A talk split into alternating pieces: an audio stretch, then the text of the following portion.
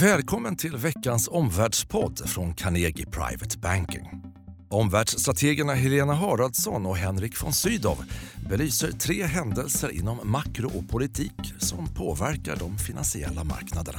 Det är torsdag den 10 januari. Klockan är strax efter 10 på förmiddagen. Vi skriver 2019. Det här är årets första fullmatade omvärldspodd. Vi kommer prata om vad investerare ska ta med sig från de händelserika helgerna. Vi pratar naturligtvis om handelskonflikten USA-Kina och vi blickar framåt. Vilka datum är det som sätter agendan och formar makromarknader under det första kvartalet på det nya året? Varmt välkommen till Omvärldspodden. Händelserika helger som sagt, viktiga konjunktursignaler, centralbanksignaler, samtidigt nu också då en stark start på börserna både i New York och Stockholm. Helena, om vi börjar med din makroanalys över läget sedan vi pratade senast. Har den nya informationen varit oroande eller lugnande? Tyvärr får man väl säga då, så har de mest framåtblickande signalerna faktiskt varit svaga. Eh, jag skulle nämna tre som kom under helgerna här och den första var att Kinas industribarometer gick under 50 och pekar på kontraktion. Det här ovanpå en väldigt svag detaljhandel. Många andra asiatiska barometrar också under 50 och pekar på inbromsning. Den andra, det var en bolagsnyhet. Apple sänkte sin försäljningsprognos. Och det oroande var att de sa att det här till 100% beror på Kina. Det fick börsen att darra. Och den tredje, det var en till barometer men från USA som visade det största månadsfallet då sedan 2008. Order växer knappt och hälften av bolagen pekar på tullar och handel som en utmaning. Mm, den oron har ju synts då. Räntorna har rasat. En amerikansk tioåring var för två månader sedan 3,20. Den nådde nästan 2,50, nu är det mot 2,75. Men vi har också sett att guld och yen har varit säkra hamnar. Mm, Samtidigt som jag nämnde då så är utvecklingen på börserna inte minst USA har gått väldigt starkt eh, upp. Nej, det var ju ner 20% i början på oktober, sedan upp nu 9% från botten då. Eh, och samtidigt också en, en rivstart får man säga på Stockholmsbörsen, starkaste starten sedan 1994. Hur, hur förklarar du det? Vad är skälen till detta? Ja, vi hittar ju skälen på den globala arenan. Det som verkligen har hjälpt det var ju dels att det här kanske var en respons på att det var så, så snabbt ner i december, en liten rekyl. Mm. Men sen är det att nu tror marknaden att Fed ska sänka i år. Mm. Det trodde man inte då, så det är jätteviktigt. De har ändrat sin ton mm. mot bakgrund av svag makro och skakiga marknader. Jag kan ana det andra skälet också nästan. Yeah. marknaden är optimistisk kring handelskonflikten. Mm. Båda sidor känner av negativa faktorer. Och Trump kanske framförallt då har visat att han verkligen vill ha ett, ett avtal på plats och USAs delegation har ju precis i dagarna varit i Kina. Mm. Men man ska inte glömma en annan faktor, det är att Kina faktiskt, inte riktigt dagligen, men nästan kommer med små stimulanser. De är inte så stora som tidigare år men ofta lyckas de ju med ett antal greppen då kanske guida ekonomin mot stabilitet. Mm, stora infrastruktursatsningar till exempel. Till exempel skattesänkningar etc. Eh, om du tittar, vad betyder då det här framåt? Är det tillfälle för privata investerare att nu köpa mer aktier efter det här mm. fallet vi hade under december? Det är verkligen frågan. Eh, efter ett stort fall så kan det alltid komma rekyler och hela 2018 var ganska tufft och slutet det var ju enormt svagt. Mm. Eh, både mitt team och tekniska analytiker brukar säga att gummisnodden var hårt spänd, alltså att pessimismen var lite väl stor. Och då har vi fått en studs. Men det jag vill betona det är att det är redan en studs på 9% upp på amerikanska börsen. Rekylen det är en rekyl som heter ja. duga. Inte, även Sverige är upp men inte lika mycket. Men eh, det är klart att det är Fed-pausen och det är den här optimismen om handelsavtalet. Det ökar riskaptiten ytterligare. Eh, när det gäller konjunkturen så recession är absolut inte vårt huvudscenario utan det är fortfarande en risk. Men jag skulle ändå vilja betona några saker framåt då eftersom mm. det var frågan om man skulle ta på mer risk.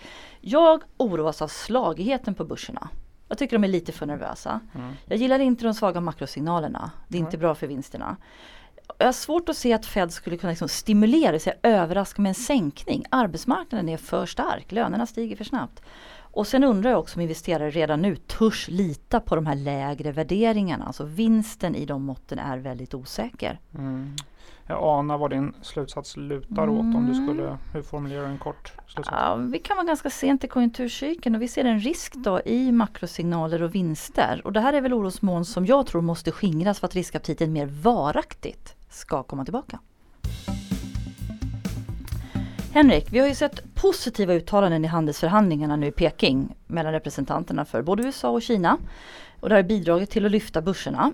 Men vad förklarar de här positiva signalerna? Vad är det som sker? Ja, det är ju så att både president Trump och eh, Xi Jinping i Peking har intressen i att eh, söka försoning nu då i tider just av den ekonomiska oro som du, som du eh, pekade på. Det är ju så att Xi pressas av tecken på en sämre konjunktur i Kina. Trump vill uppenbarligen försöka stabilisera den här skakiga aktiemarknaden då eh, under inte minst december. Trump är känslig eh, för Dow Jones Index, det vet vi, det vet vi sedan tidigare.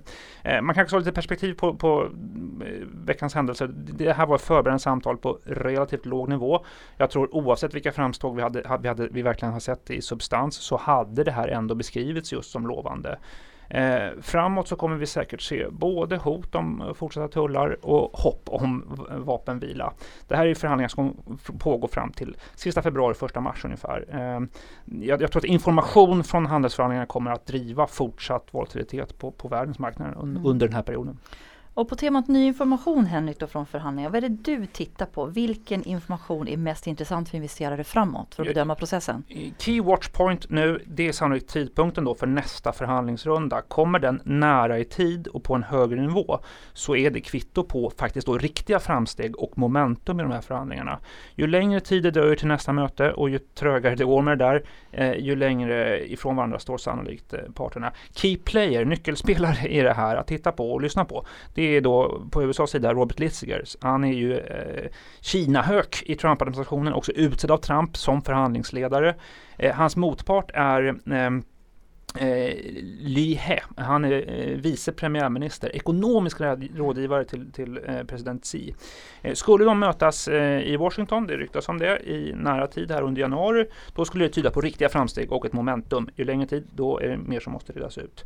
Så det där, titta på tidpunkten för när den här mm. Lee He dyker upp i, i, Washington. Det ger ett kvitto på, på tillståndet mm. i förhandlingarna. Kanske också Davos, eh, 22 ja. januari då. Ryktas om toppmöte mellan Trump och Xi.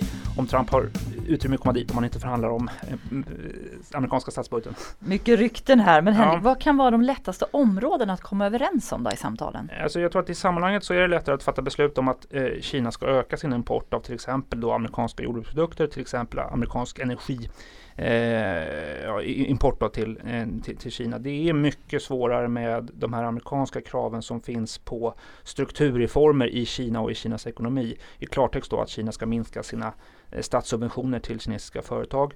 Eh, det som eh, kallas för en påtvingad tekniköverföring från mm. amerikanska och utländska bolag när de öppnar sig på, etablerar sig på nya marknader. IP-rättigheter, teknikrättigheter kopplat till det och inte minst hur man då faktiskt också kontrollerar efterlevnaden mm. Av överenskommelser om, om de här frågorna. Ja.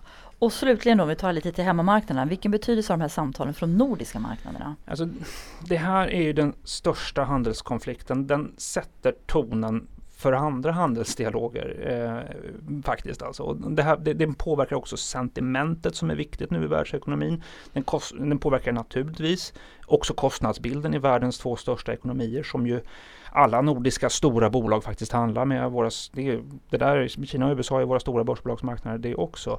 Väljer USA en väg med tullar då kan vi heller inte utesluta den riktigt stora faran för Europa, Norden och Sverige och det är ju hotet om eh, biltullar eh, och bildelstullar eh, mot Europa under 2019.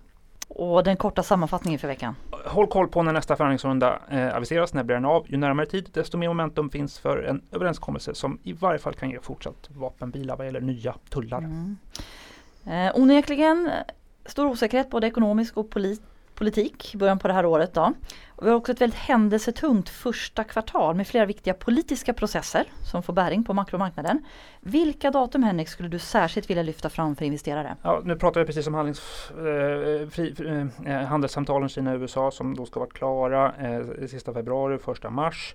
Sen har vi så att säga den stora ovissheten i Europa då eh, med britternas, formerna för britternas utträde mm. ur EU.